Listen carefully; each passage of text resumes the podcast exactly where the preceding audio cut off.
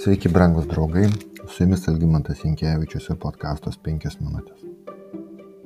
Kad ir kokie sunkus būtų dvasinio ir moralinio žmonių nuopolio laikai, visada buvo žmonių nukreipiančių savo žvilgsnį į Dievą. Tai buvo ir tuo metu, kai Filistinai užkariavo Izraelį. Izraelitai vėl darė, kas nedora viešpatės akise ir viešpas atidavė juos 40 metų į Filistinų rankas. Tuo metu Danų žmonių giminėje buvo toks vyras iš Coros vardu Manuachas. Jo žmona buvo bevaisė ir nebuvo pagimdžiusi vaikų. Viešpatės angelas pasirodė moteriai ir tarė, tik kiek manimi.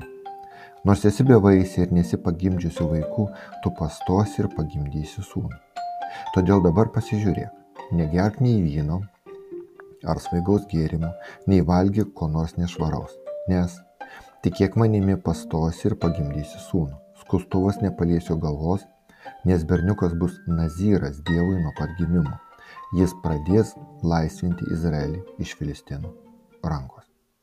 Teisėjų knyga 13 skyrius. Po kurio laiko jį pagimdė sūnų ir pavadinė Samsonu. Berniukas užaugo ir viešpats jį laimino. Viešpaties dvasia pirmąsyk apėmė jį Danų stovykloje tarp Coros ir Eštaolo. Nedaugelis Biblijos herojų buvo pagerbti tokiais aiškiais dieviškais a, pasirinkimais, nurodymais.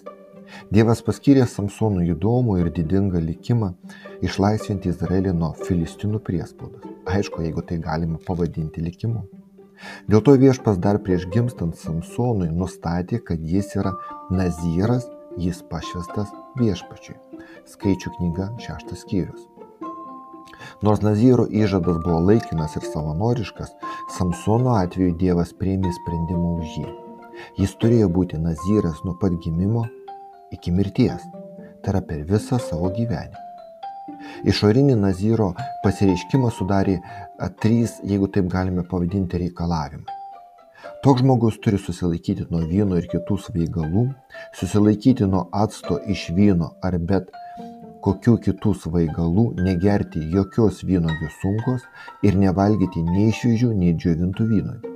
Visą laiką, kol yra nazyras, jis nevalgys nieko, kas gaunama iš vynmedžių, nevalgys net sėklų bei ževelių.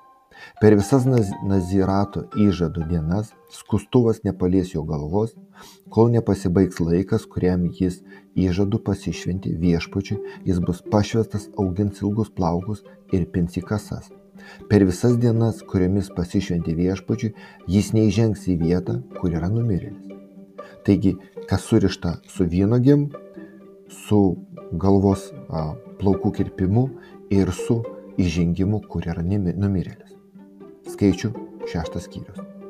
Jei per klaidą Nazyras kaž, kažko susitėpė, jis turėjo nusikirpti plaukus ir paukoti du balandžius, o tada vėl pradėti Nazyro dienas skirtas viešpačiui skaičių šeštas skyrius. Dievas turėjo Samsono gyvenimo planą. Planą, pagal kurį jam vadovaujant Izraelis turėjo būti išvaduotas iš filistinų vergyjos. Ir nazirizmas, jeigu taip galima pavadinti, ir ištikimas tėvų auklėjimas turėjo daryti įtaką vaikui taip, kad jis pripažintų šią dieviškąją apvaizdą savo gyvenime ir atsiduotų jos išpildymui. Viešpačiai atsidavusiame Samsone Dievas planavo duoti žmonėms objektyvę pamoką apie Dievo galę, veikiančią asmenyje, kurio širdis yra klusni Dievui ir stengiasi įvykdyti jo valią. Deja, kaip Samsonas suaugo, jis atsisakė suderinti savo gyvenimą su Dievo jam numatytų planu. Jis tapo kaprizingas ir, jeigu taip galima sakyti, moraliai abejingas. Dėl silpno Samsono charakterio jis netiko visiško Izraelio išlaisvinimo iš Filistinų vado pareigoms. Vėliau šią užduotį įvykdė karalius Dovydas, Dievo dvasios žmogus, Dievo gale nugalėjęs Filistinus. Samsonas buvo neįprastai stiprus ir ši fizinė jėga priklausė nuo jo dvasinių jėgų. Jo ilgi plaukai neturėjo nieko ypatingo, kas būtų buvęs susijęta su pergalėmis prieš Filistinus.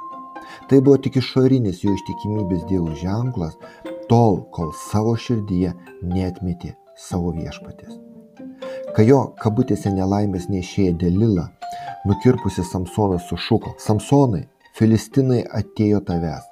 Jis pabudo iš miego galvodamas, ištrūksiu kaip kitais kartais ir nusikratysiu, bet nežinojo, kad viešpas buvo nuo jo pasitraukęs. Tas pas nutinka ir su žmogumi, kurioje prasidėjo Dievo dvasios atsitraukimas.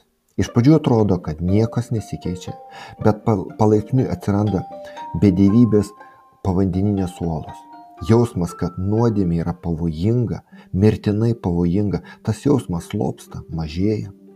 Anksčiau skausmą ir gėdą sukėlusi mintis nebetrikdo tokio žmogaus dvasios, o Kristos vardas nustoja šildyti jo širdį meilės ugnimi. Bet blogiausia tai, kad dvasingumo trūkumas daro tam tikrą poveikį, atimdamas iš žmogaus supratimą, kad šventosios dvasios jėga jau labai toli nuo jo nutolusi. Brangus draugai, Dievas turi planą kiekvienam gyvenimui, įskaitant mano ir tavo. Tačiau toks planas netmeta mano ir tavo pasirinkimo laisvės. Mes patys pasirinkame, ar jo laikysimės ar ne. Samsono patirtis liūdnai iliustruoja tai, kad žmogus gali visiškai atmesti Dievo jam suplanuotą, puikų ir nuostabų gelbėtojo arba išvaduotojo likimą. Su jumis buvo penkios minutės ir Algymantas Jankievičius.